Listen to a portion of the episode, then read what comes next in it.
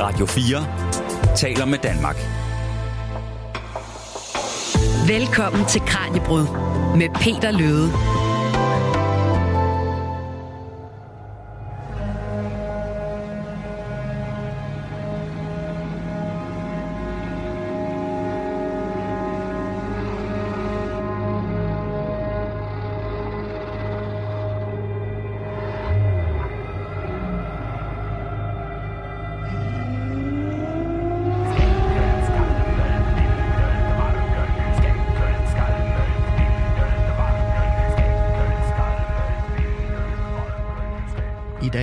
Kranjebrud, der skal vi på en rejse ind i den magiske og mystiske verden, hvor guder som Odin og Thor de lever, nemlig den nordiske mytologi.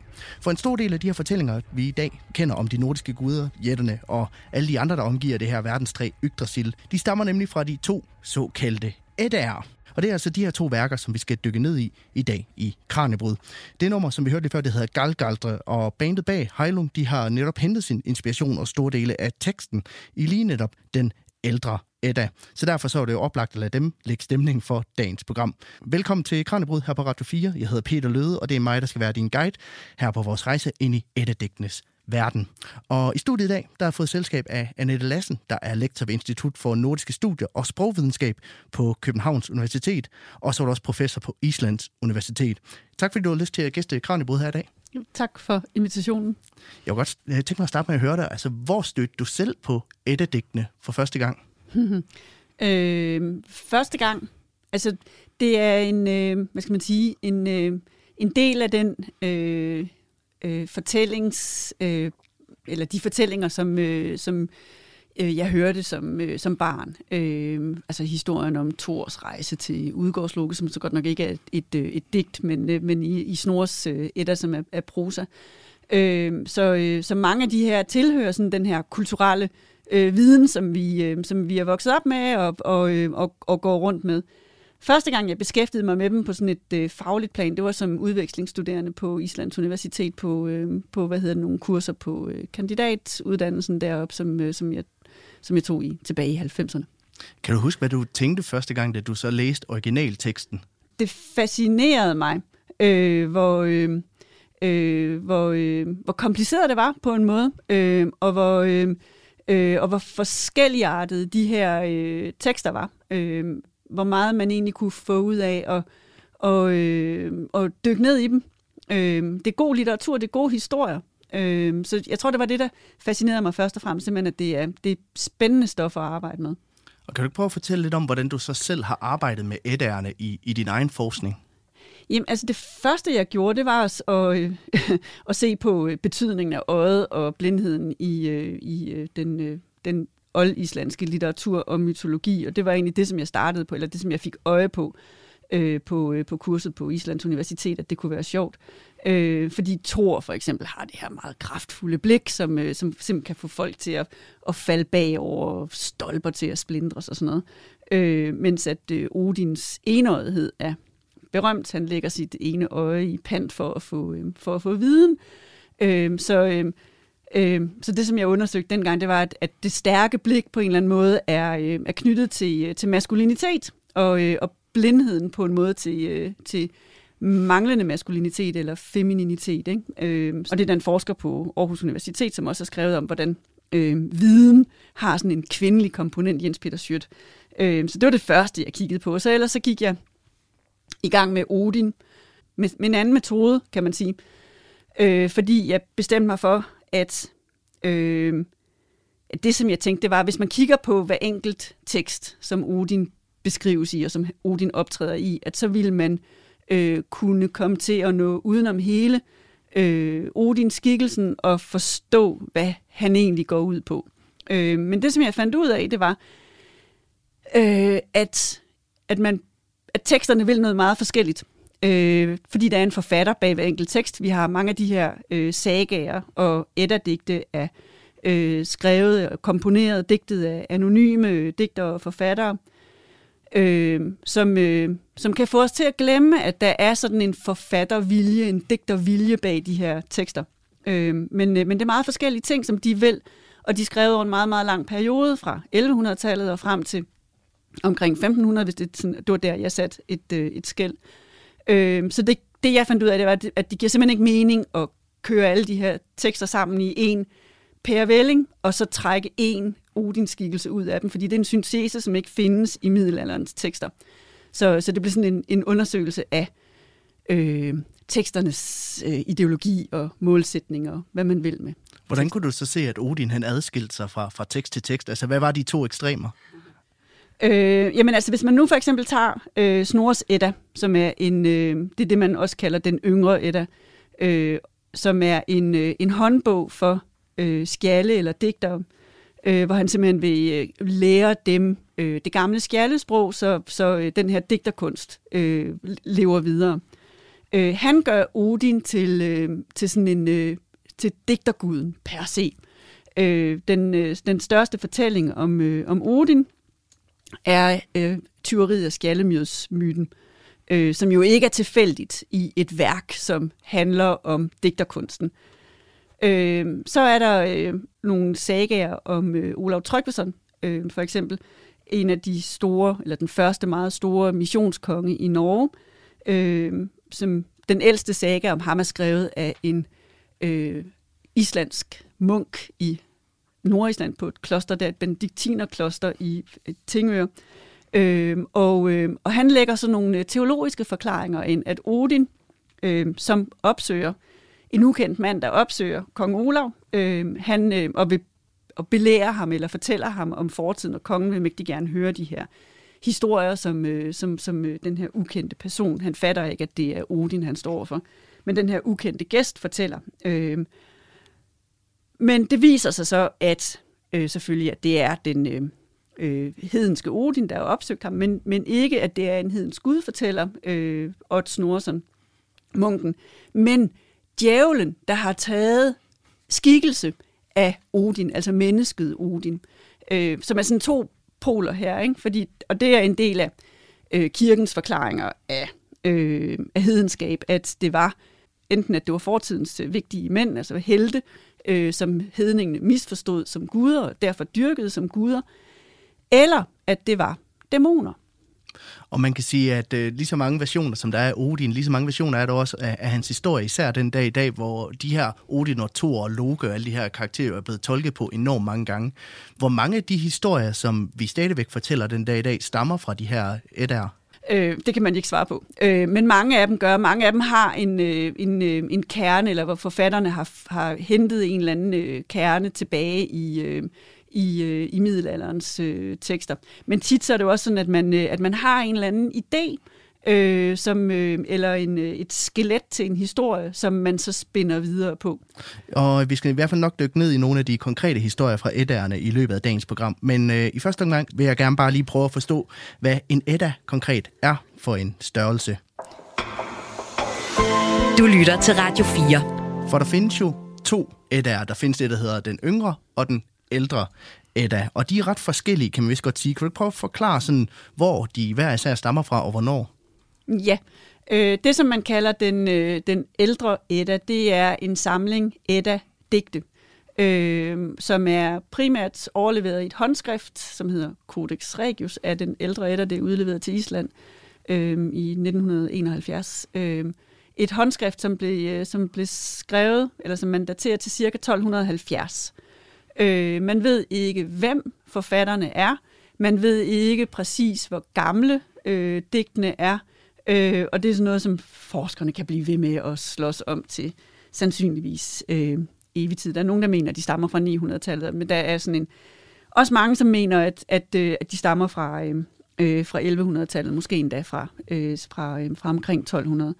Øh, den yngre Edda, det er Snorres Edda, øh, Snorre Sturlusons Edda. Han var høvding øh, og politiker, øh, stormand i, øh, i Island, døde i 1241, og, øh, og i en det er den, øh, det værk, som jeg nævnte før, som er sådan en, en håndbog for, øh, for digtere for, for, øh, for skjalde, for at, at huske øh, eller, eller kunne øh, digterkunsten og anvende den i ny digtning.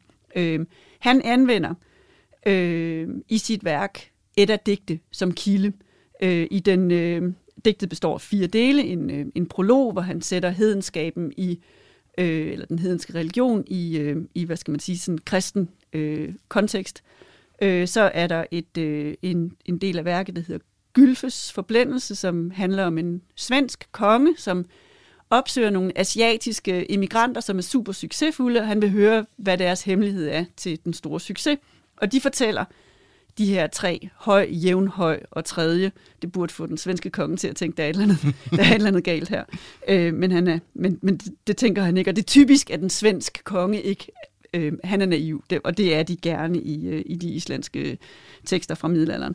Øh, øh, de fortæller historier om, øh, om de guder, som de siger, de dyrker. Øh, det er Odin og Thor og Balder og Hød og så videre, så videre. Øh, og ind i de historier, der citerer øh, Snore, eller, eller de her asiater, et af digte. Vølven spot om, øh, blandt andet i, øh, i, i ret, i ret øh, vid udstrækning. Anden eller tredje del af værket er, øh, hvad hedder det, selve skjaldskabslæren, hvor han fortæller om Odins teori af, af, af skjalde, myten, og den sidste del af værket er et samtidsdigt, som er, som er Snores øh, eget digt. Øh, og grunden til, at man kalder dem den yngre Edda og den ældre Edda, det er fordi, øh, at man selvom Edda-digtene er overleveret i et håndskrift, som er yngre end, øh, end hvad man ved dateringen af, af Snores Edda er, som er ca. 1220, øh, at så er de digte ældre. Og det kan man se, fordi at Snorre han brugte dem som, øh, som, som kilde til sin, øh, øh til sin Edda. Ja, for mit, mit næste spørgsmål var nemlig, altså, hvor kommer de her fortællinger fra? Altså, der har jo siddet nogen og skrevet dem ned på et tidspunkt her i middelalderen, men, men altså, hvordan har de været overleveret inden da? Er det mundtlige fortællinger, e-, e-, eller hvor meget ved vi om det? Øhm, en, noget af det er mundtlige fortællinger, og noget af det skal man, må man gå ud fra er, øh, er konstruktioner. Øhm, som øh, altså lærte konstruktioner i, øh, i middelalderen. Men, øh, men man har fortalt historier om de her, man ved jo fra stednavne for eksempel, at de her guder, at man har dyrket de her guder i, øh, i vikingetiden. Øh, eller blandt andet fra stednavne, nævner jeg bare det som, som eksempel. Øh, men øh, så man ved, og man ved, at der har været et eller andet indhold. Men den mundtlige øh, overlevering er jo svær at studere. Vi har kun de her skriftlige kilder. Øh, Øh, nogle gange så kan man se, der er en, øh, en, øh, en svensk forsker, Daniel Sevborg, som øh, øh, for nylig, eller det er under udgivelse faktisk, øh, men han har undersøgt øh, øh, myten om det her tomme gab, der er i øh, ved verdens øh, begyndelse. Øh, og, øh, og hvor han øh, kigger på, på øh, øh, altså ligesom jeg kiggede på, øh, på Odin, hvordan der bliver fortalt om det i forskellige kilder, og argumenterer for, at det er under kristen påvirkning. Øh, øh, så der er, man skal forestille sig begge dele, at der er noget, som er, der er, noget, som er snedet sig ind af, igennem kirken, øh, noget, som er blevet fortalt som sådan en slags modbilleder til, hvordan kristendommen er, og så er der noget, som er genuint hedensk, og nogle gange så er det også bare en blanding. Ja, for hvordan, altså, jeg tænker, at de, de her fortællinger har vel forandret sig i takt med, at det, det, det, det er nogle kristne, der har siddet og skrevet det her ned, højst sandsynligt. Altså, kan man se den indflydelse på, på ædærerne generelt set? Ja, det kan man. Øh, i, øh, i, I Snores Edda for eksempel, øh, der spørger, øh, eller der fortæller øh, asiaterne eller aserne, øh, øh, den svenske konge om deres øverste gud, og det er en øh, gud, der hedder Alfader, øh, som har skabt øh, verden, øh, og på rigtig mange måder minder om den kristne gud, blandt andet hedder han Alfader. Øh, og så siger de til sidst, at vi mener, det måske nok er rigtigt at kalde ham Odin. Det mener vi ikke er forkert. Øh, og til at begynde med, der var han i øvrigt hos rimturserne. Og der ser man det der, altså, øh, hvordan man modellerer en fortælling over det, som så skal være Odin, ikke? men de sætter alle de her usikkerhedsmarkører ind, ikke? Øh, eller, eller snore gør det ikke i deres replikker. Øh, og så til sidst så laver man, altså, tilføjer man den her oplysning om, at han har været hos, hos rimturserne, ikke? altså antagonisterne i, øh, i, øh, i religionen, som, eller hvad hedder det, i, øh, i mytologien, som sådan et modbillede til, til den kristne gud. Men hvorfor, hvorfor lige Island, tror jeg, er et af de helt store spørgsmål, kan jeg forestille mig i forskning. Altså, nu stammer de begge to fra Island. Vi har de islandske sager. Altså, hvorfor det lige her, at, at man har skrevet de her historier ned? Det er et godt spørgsmål, øh, og det er aldrig rigtig lykkedes at forklare det.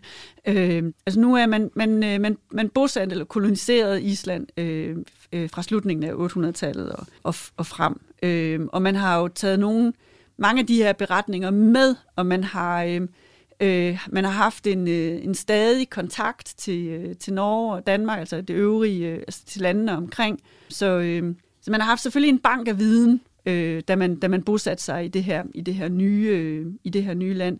Islændingen var i allerede i 1100-tallet berømte, verdensberømte faktisk, øh, i, øh, i Europa, øh, for at være øh, øh, særdeles gode historie, øh, skriver, historiefortællere, eller historikere. Øh, det siger øh, Saxo i sin øh, Danmarks historie, og, øh, og man har også øh, øh, historikere, som siger det i Wales og i, øh, og i Norge. Øh, men hvorfor, hvorfor det lige er i Island, at det bliver overleveret, det kan man ikke svare på. Til gengæld så ved man, at man har meget mere overleveret på, øh, på det islandske sprog fra, øh, fra middelalderen, end man har fra øh, de, øh, de andre nordiske lande.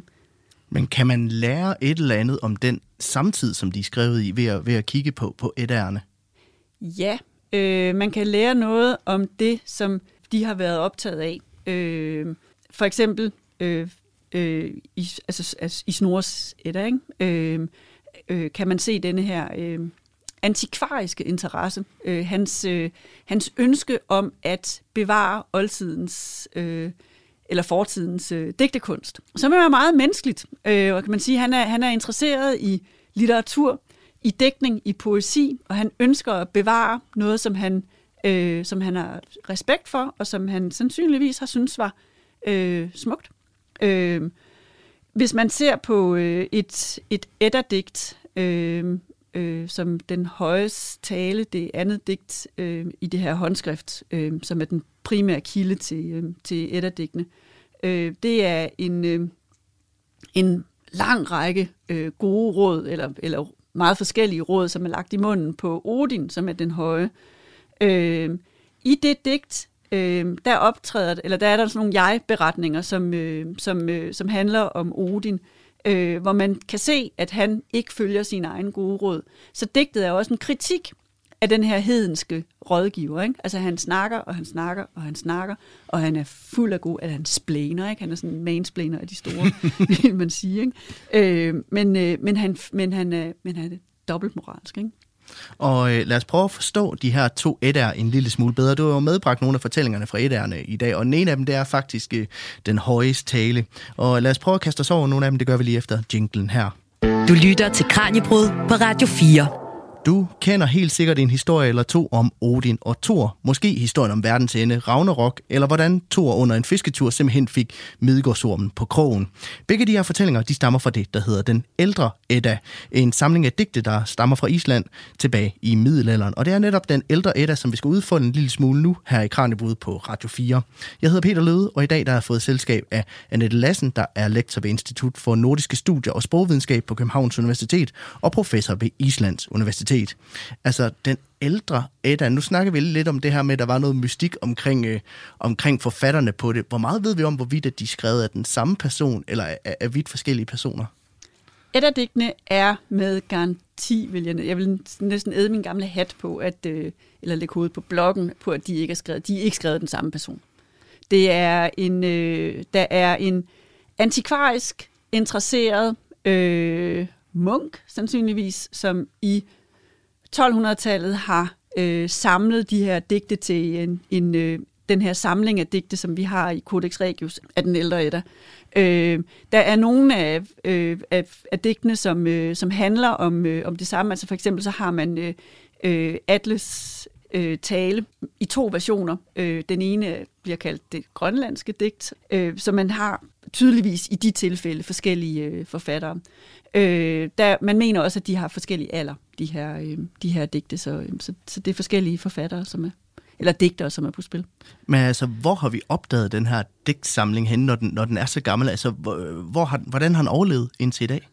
Man genopdagede, øh, så at sige, øh, eller genfandt håndskriftet i, øh, i 1643. Der fik øh, en øh, islandsk biskop, Brynjolf Svensson, øh, håndskriftet i, øh, i sin besiddelse. Øh, Øhm, og, øh, og fra det tidspunkt får de sådan en, øh, en renaissance, de her etterdigte. Så kom håndskriftet meget tidligt til København.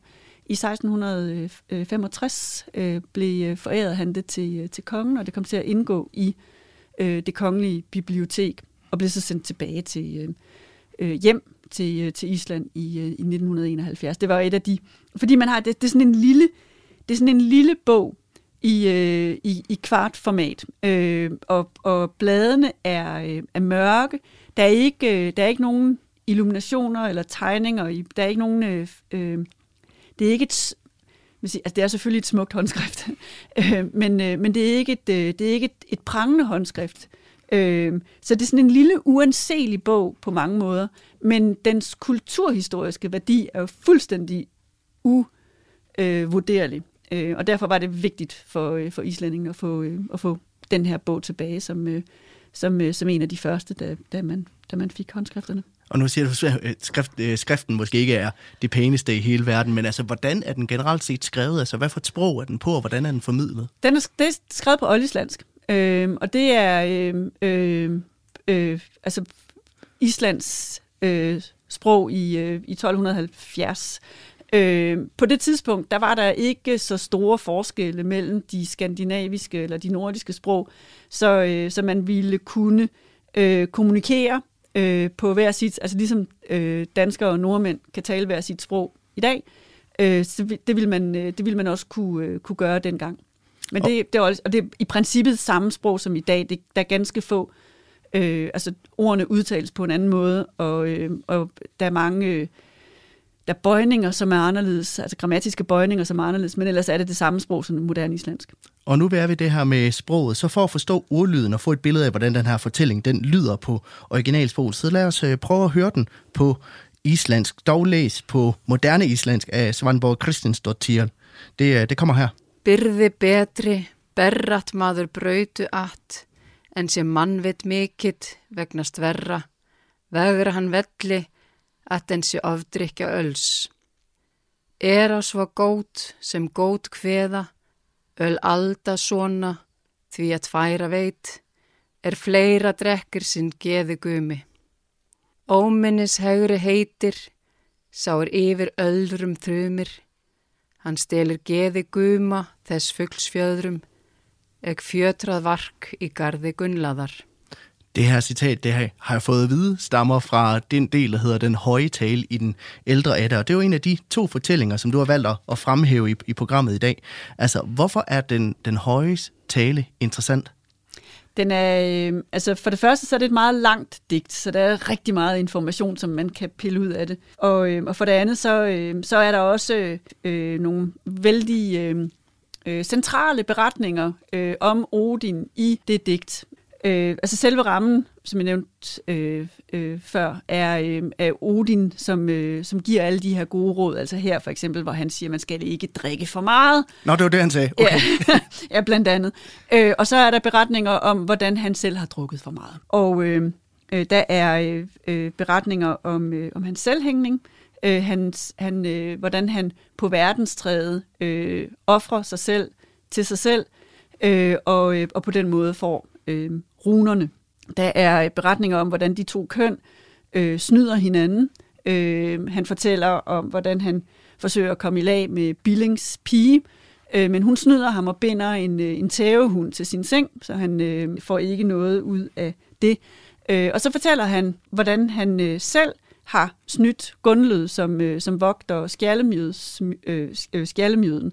Øh, han øh, sover hos hende og øh, stjæler mjøden, og de Øh, så det er sådan et, i, øh, i den version af skjallemydsmyten, der handler den om, hvordan mænd snyder kvinder, ligesom han selv som mand er blevet snydt af, af Billings, øh, af, af, af Billings øh, pige. Kan man tale om, at der er nogle generelle temaer i, i den højeste tale, som, mm. som går igen, eller, eller hvad kan man lære af den? Øh, det er meget forskellige råd, som han giver. Altså det er, øh, man skal ikke drikke for meget. Man skal huske at spise morgenmad, før man går ud på fjellet. Øh, man kan ikke stole på en kvinde, før hun er død. Øh, okay, det, det, ja. er, øh, det er, øh, hvis du får en gave, øh, så skal du gengælde den. Øh, man, skal, man skal passe godt på sine venskaber. Det er meget, meget forskellige øh, råd. Så det der er, hvis man, hvis man skal sige noget generelt, så, øh, så er det, at man kan ikke i hvert fald stole på Odin som rådgiver, fordi digtet lærer i hvert fald en, at han er, han er dobbeltmoralsk. At alle de gode råd, som han giver, dem følger han ikke selv. Men ellers så er det sådan et digt, og man mener, det er et digt, som er, øh, som er sammenstykket øh, af øh, forskellige digte. Øh, så det strider i forskellige, øh, i forskellige retninger. Så jeg tror, det er sådan omsonst at lede efter et budskab i, øh, i det digt. Hvorfor tror du, man har inkluderet den i, i, i den her samling så? Altså, hvorfor, hvorfor har dem, der siddet og, og været redaktør på, på det, valgt at, valgt at inkludere den? Fordi det øh, på en måde fremstiller den her hedenske Guds stemme som falsk. Altså hvis man nu forestiller sig, at det er en, øh, en munk, der har, der har siddet, og, øh, og det er jo i hvert fald en kristen, det ved man, som har, øh, som har foretaget den her samling. Øh, og det er jo noget, som, som i hvert fald giver sådan en, en grund til, at man kunne øh, overlevere det her, det her digt, ikke? at, det er, at, at man, kan, man kan formidle al den her, øh, alle de her oplysninger om den gamle verden, al den her antikvariske øh, viden, øh, men, øh, men samtidig så, er det, så har du den her indpakning, som siger, du kan, ikke, du kan jo ikke stole på det. Du kan ikke stole på, øh, på, øh, på Odin. Lad os, øh, lad os hoppe videre til den anden tekst, som du har udvalgt fra den ældre Edda, nemlig det, der hedder Trymskvadet, eller som mange måske kender som Thors brudfærd. Øh, hvorfor er den interessant at fremhæve i dag? Jeg synes, den er interessant at fremhæve i dag, fordi øh, øh, man taler om køn som mange ting. Øh, at man ikke længere bare har de her to køn, som, øh, som man talte om øh, øh, tidligere. Øh, og øh, for, fordi at historien er jo kort sagt den, at Thor vågner en morgen, og hans hammer er blevet stjålet. Og det viser sig, at det er Trym, Jetten Trym, der har stjålet hammeren og vil have øh, Freja som, øh, som brud for at give hammeren tilbage. Øh, og så, øh, så får guderne den gode idé på tinget, at de klæder bare øh, Thor ud, i, øh, fordi Freja hun bliver, hun bliver rasende ved tanken om, at hun skal giftes med Trym, det vil hun ikke. Øh, men øh, øh, så de kan bare klæde Thor ud i brudetøj, og sende ham afsted i forklædning som kvinde, øh, som Freja, øh, så han kan blive gift med, med Trym. Øh, og så, så ryger Loke med også udklædt som, øh, som sådan en tjenestepige. Thor har store problemer med, at, øh, for han er jo den her supermaskuline gud, øh, med at tage kvindetøj på.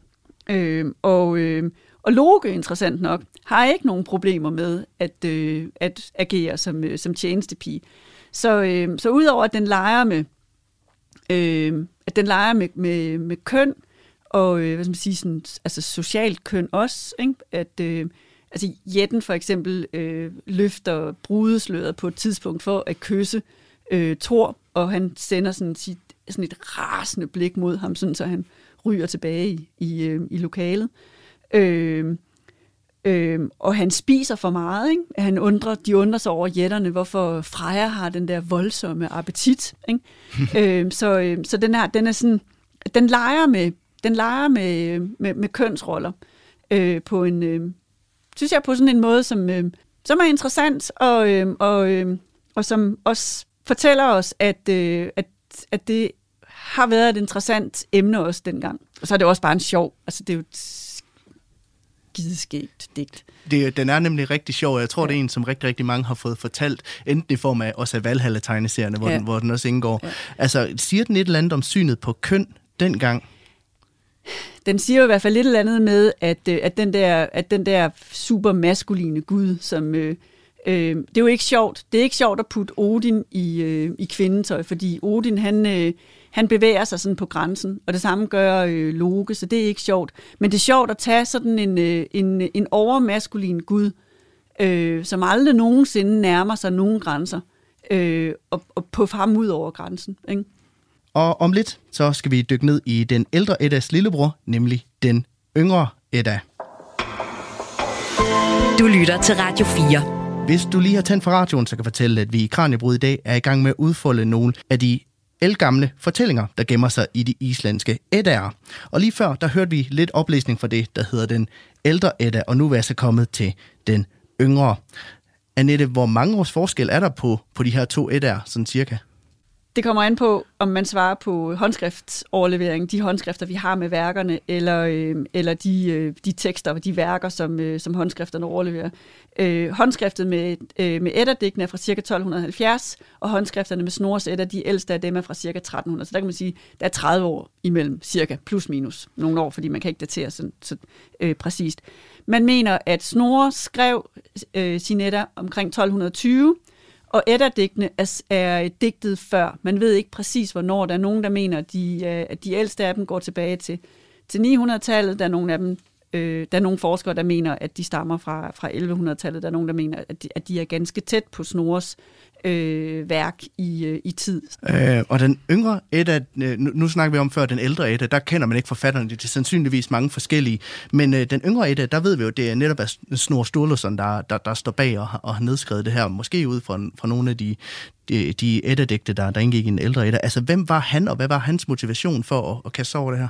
Hans motivation var at, øh, at lære de, øh, de islandske skjalde og digtere, at, øh, øh eller belære dem om, om den gamle digtekunst, øh, sådan så den ville blive bevaret.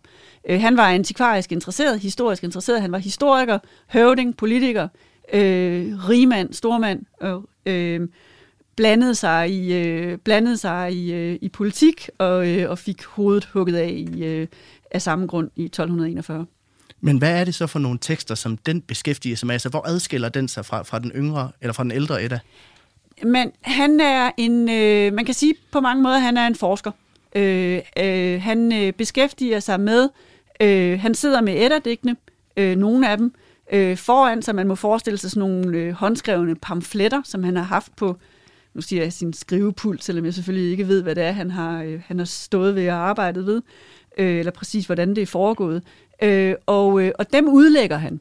Han øh, genfortæller dem, han misforstår dem, øh, han forklarer dem, øh, og han bruger dem som, øh, som, som kilde, og han citerer dem. Øh, så, øh, så han er ligesom, øh, nu vil jeg ikke sige, at han er ligesom øh, en, øh, en, øh, en professor på religionsvidenskab i dag, øh, men, øh, men, han, øh, men han forklarer, øh, han, han tolker øh, ud fra det, han ved, og det, han forstår, øh, så tolker han de tekster, han har øh, til, øh, til sin rådighed. Et meget tydeligt eksempel på det er, øh, øh, hvis man værket er nok sådan 150 sider i alt. Øh, en, øh, I det værk er cirka et par sider om de kvindelige guder. Øh, og det er jo ikke, fordi de ikke fandtes. Det er fordi, at Snorre Sturluson, han ikke interesserede sig særlig meget for dem. Øh, og det er, jo sådan en, øh, det er jo sådan et vink med en vognstang om, at der har været en, øh, der har været en person indover, øh, og, og jeg vil ikke sige fifle med, fifle med kilderne, men vi har hans version. Og øh, lad os prøve at høre en af de her tekster igen læst op på originalsprog, men altså med et moderne islandsk islet. Stóðu þá upp hafratnir og var þá annar haltur eftir að fæti Það fann Þorr og talaði að búandin eða hans sjón myndi eigi skinsamlega hafa farit með beinum hafrsins. Kennir hann að brotin var lærlegurinn. Eigi þarf langt frá því að segja. Vita meg að það allir, hversu hrættir búandin myndi vera, er hann sá að Þorr let síga brýtnar ofan fyrir augun en það er hann sá augnana. Þá hugðist hann falla myndu fyrir sjónum hans einum saman. Hann herðir hendurnar að haðmarskaftinu, svá að kvítnuðu knúarnir. Er búandin gerði sem bán var okk öll hjúin, kölluðu ákaflega, báðu sér friðar, buðu að yfirbátum allt það er þau áttu. En er hann sá hræðslu þeirra, þá gekk af honum móðurinn og sefaðust hann og tók af þeim í sætt börn þeirra, þjálfa og rösku. Og gerðust þau þó skildir þjónustumenn hans og fylgja þau honum jafnan síðan. Det her, det kan måske godt være lidt svært at forstå, men det er et uddrag fra en af de historier, der indgår i den yngre etter, som du har valgt at, at tage med i dag, Lassen, nemlig Thors rejse til Udgårdsloge. Kan du ikke prøve at komme med en kort opsummering af den her historie? Øh, jo, den går ud på, at, øh, at Thor bliver snydt, så vandet driver. Øh, han, øh, han, tager, øh, han er på, øh, på rejse øh, sammen med, øh, med, med Loke, blandt andet til, øh, til Udgårdsloke, hvor de bliver øh, udsat for øh, øh, forskellige, at de skal dyste øh, mod hinanden, og der bliver de udsat for, øh, for forskellige øh, magiske tricks, som, øh, som Udgårdsloke og, øh, og, og jætterne øh, øh, mestre, og som, øh, og som øh, Thor og hans øh, flok ikke forstår. Han bliver øh, øh, kæmper blandt andet mod, øh, mod øh, Midgårdsormen, øh, mod alderdom, Elle, øh, bliver sat til at drikke af et øh, drikkehorn, øh, og der bliver dystet af det Loke, som gør det mod, øh, mod, mod ilden selv, og mod, øh, øh, og, og hvad hedder det, øh, der bliver dystet mod øh, tanken, øh, som, øh, øh, som fænomener, øh, som man ikke har en, øh, en, en chance imod. Øh, Thor, som ikke er berømt i nogen historier for, øh, og måske bortset fra et etterdigt faktisk, øh, men, øh, men ellers så er han ikke kendt for sin, øh, for sin skarphed, øh, mere, for, øh, mere for sin evne til at slå hårdt.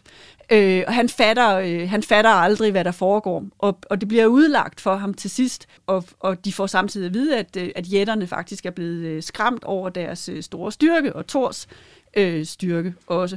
Øh, og så siger det buff, og så er, øh, er hele øh, den, hvad skal man sige, palads eller det sted, øh, hvor de har dystet, det er væk. Og så står de på sådan en pløjemark, øh, og er blevet snydt, så vandet øh, driver. Og den her practical joke, altså historien om en practical joke, altså hvorfor er den, den interessant? Hvorfor har du taget den med i dag? Den er interessant, altså igen, ikke, så det er jo en super god historie. Den er interessant på mange forskellige måder. Øh, både at, øh, at vi som mennesker, vi forsøger hele tiden at øh, øh, kæmpe imod bestemte fænomener. For eksempel øh, alderdommen, øh, som, øh, som vi bliver ved med at forsøge at kæmpe en inde et kamp imod, men vi bliver ved, og det ved vi jo også godt, at vi vil nødvendigvis blive ved med at tabe. Øh, så, øh, så, så der er sådan et eller andet meget menneskeligt ved denne her øh, øh, naive, øh, kan man sige, øh, indæthed øh, og naive øh, det er kamp, kampen mod begreber, som man ikke har en chance mod, øh, som, øh, øh, som, og som man måske nok forstår, at man ikke har en chance. Man har ingen chance for at vinde, men alligevel så bliver man ved med at kæmpe. Altså på den måde, så er det, så er det meget menneskeligt, hvad, det, hvad, hvad, hvad historien beskriver.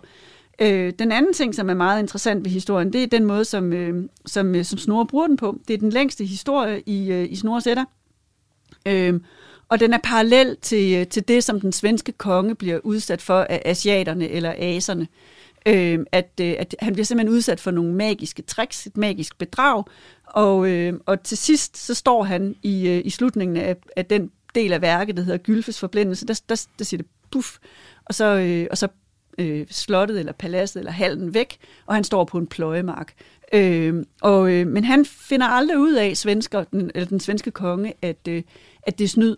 Han tror på det, som, øh, som aserne har sagt, at de er de guder, som de selv har fortalt historier om, og det går han hjem til svenskerne og fortæller videre. Og det er oprindelsen til, øh, ifølge Snorsætter, så øh, det er oprindelsen til, øh, til hedenskaben i, øh, i Sverige. Øh, Thor, han går belært, ikke? Han forstår, han får forklaret, at det her, det var alt sammen løgn. Så hans situation er ikke helt den samme, fordi han går ikke hjem og siger, om nu skal I høre. Øh, men, øh, men alligevel, den her måde, han bliver snydt på øh, af, med nogle magiske tricks, er, øh, er parallel.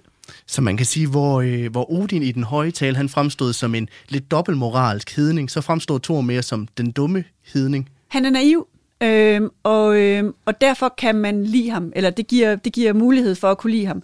Øh, Saxo, han bruger den her beretning øh, eller øh, i, øh, i sin Danmarks historie, om, øh, om udgårdsloge. Øh, og der er der en islænding, som, øh, som er hos den danske kong Gorm. Torkild hedder han, og han er modelleret over Thor, øh, som, øh, som har fortalt de her historier, sjovt nok, øh, om, øh, om udgårdsloge. Og han bliver den første, denne her islænding, som er modelleret over Thor, han bliver den første, som antager kristendommen. Og den anden historie, som du har valgt, vi skal se nærmere på fra den yngre Edda, det er historien om Balders død. Der tror jeg måske også lige, du bliver nødt til at forklare i korte træk, hvad det er, hvad det er der sker i den. Ja, Balder han har, han drømmer onde drømme øh, om sin egen død, øh, og fortæller det til, øh, øh til, øh, til sin mor og de andre guder.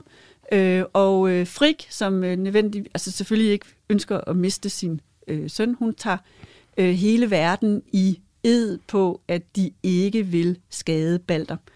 Øh, hver eneste ting i hele verden lover ikke at skade ham. Og så kommer hun til den her mistelten, som ser så lille og slap og ung og troskyldig ud, og hun kan ikke få sig selv til at, øh, at bede den om at aflægge ed også. Øh, øh, Loke klæder sig ud øh, og, øh, og spørger Frik, er det rigtigt, at, øh, at hvad hedder det, hun har taget hele verden i ed? Og hun fortæller så, at øh, ja, jeg har taget hele verden i ed, bortset fra lige den her mistelting.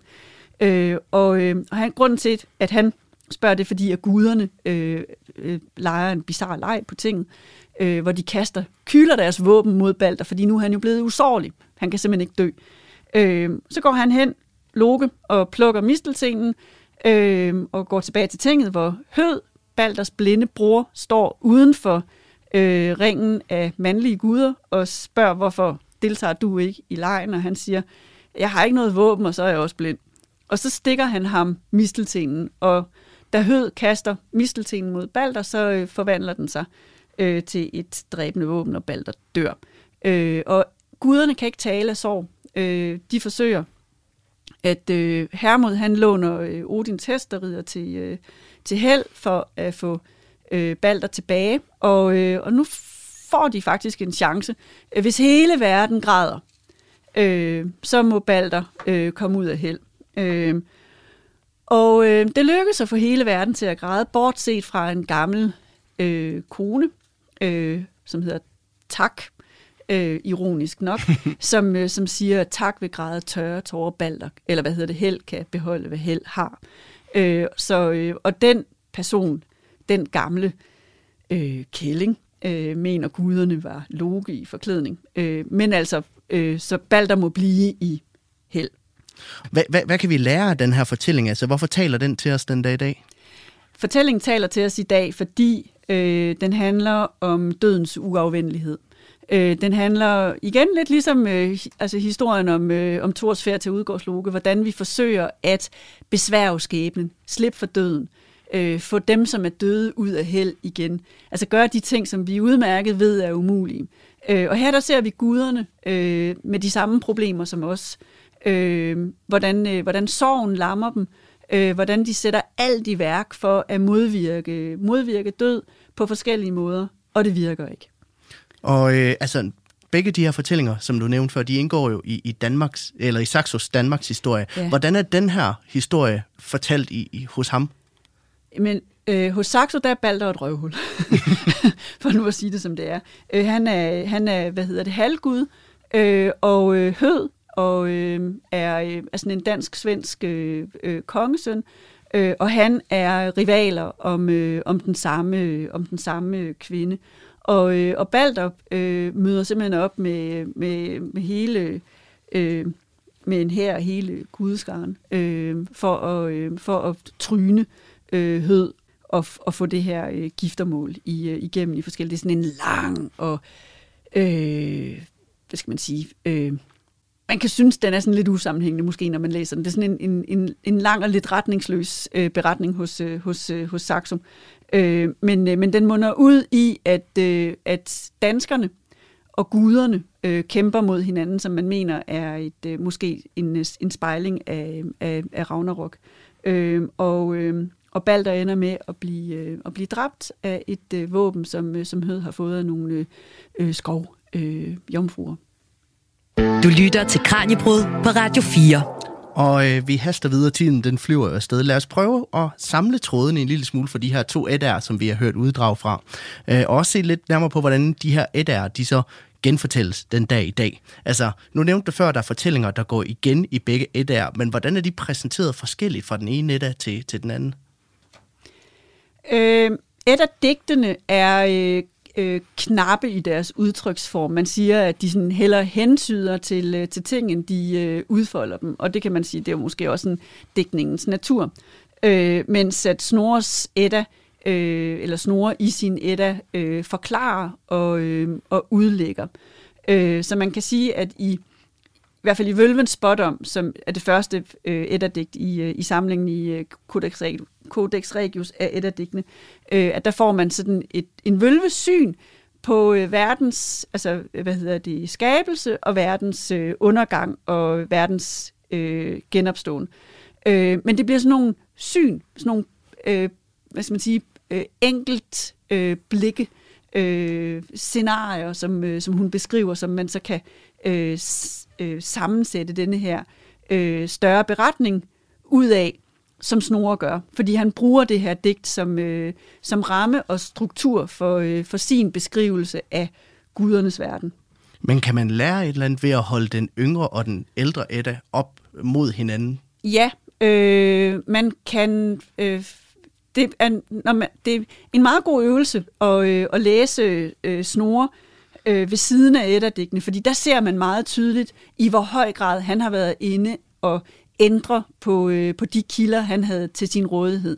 Øh, man kan se, hvordan han har misforstået, man kan se, hvordan han forklarer og udlægger, rationaliserer simpelthen. Så, øh, så det er sådan meget, det er sådan en god øh, påmindelse om, at der altid er et menneske bag den tekst, bag den øh, version af en historie, som, øh, som vi får. Og det er jo så også det, som vi mangler med, øh, med Edda-digten, fordi vi ved ikke rigtig, hvorfor øh, de er fortalt, og vi ved ikke rigtig, øh, hvilke øh, omstændigheder, øh, hvilket miljø, øh, som, øh, som digtene er, øh, er, er blevet til i. Så der mangler vi simpelthen en, øh, en masse viden.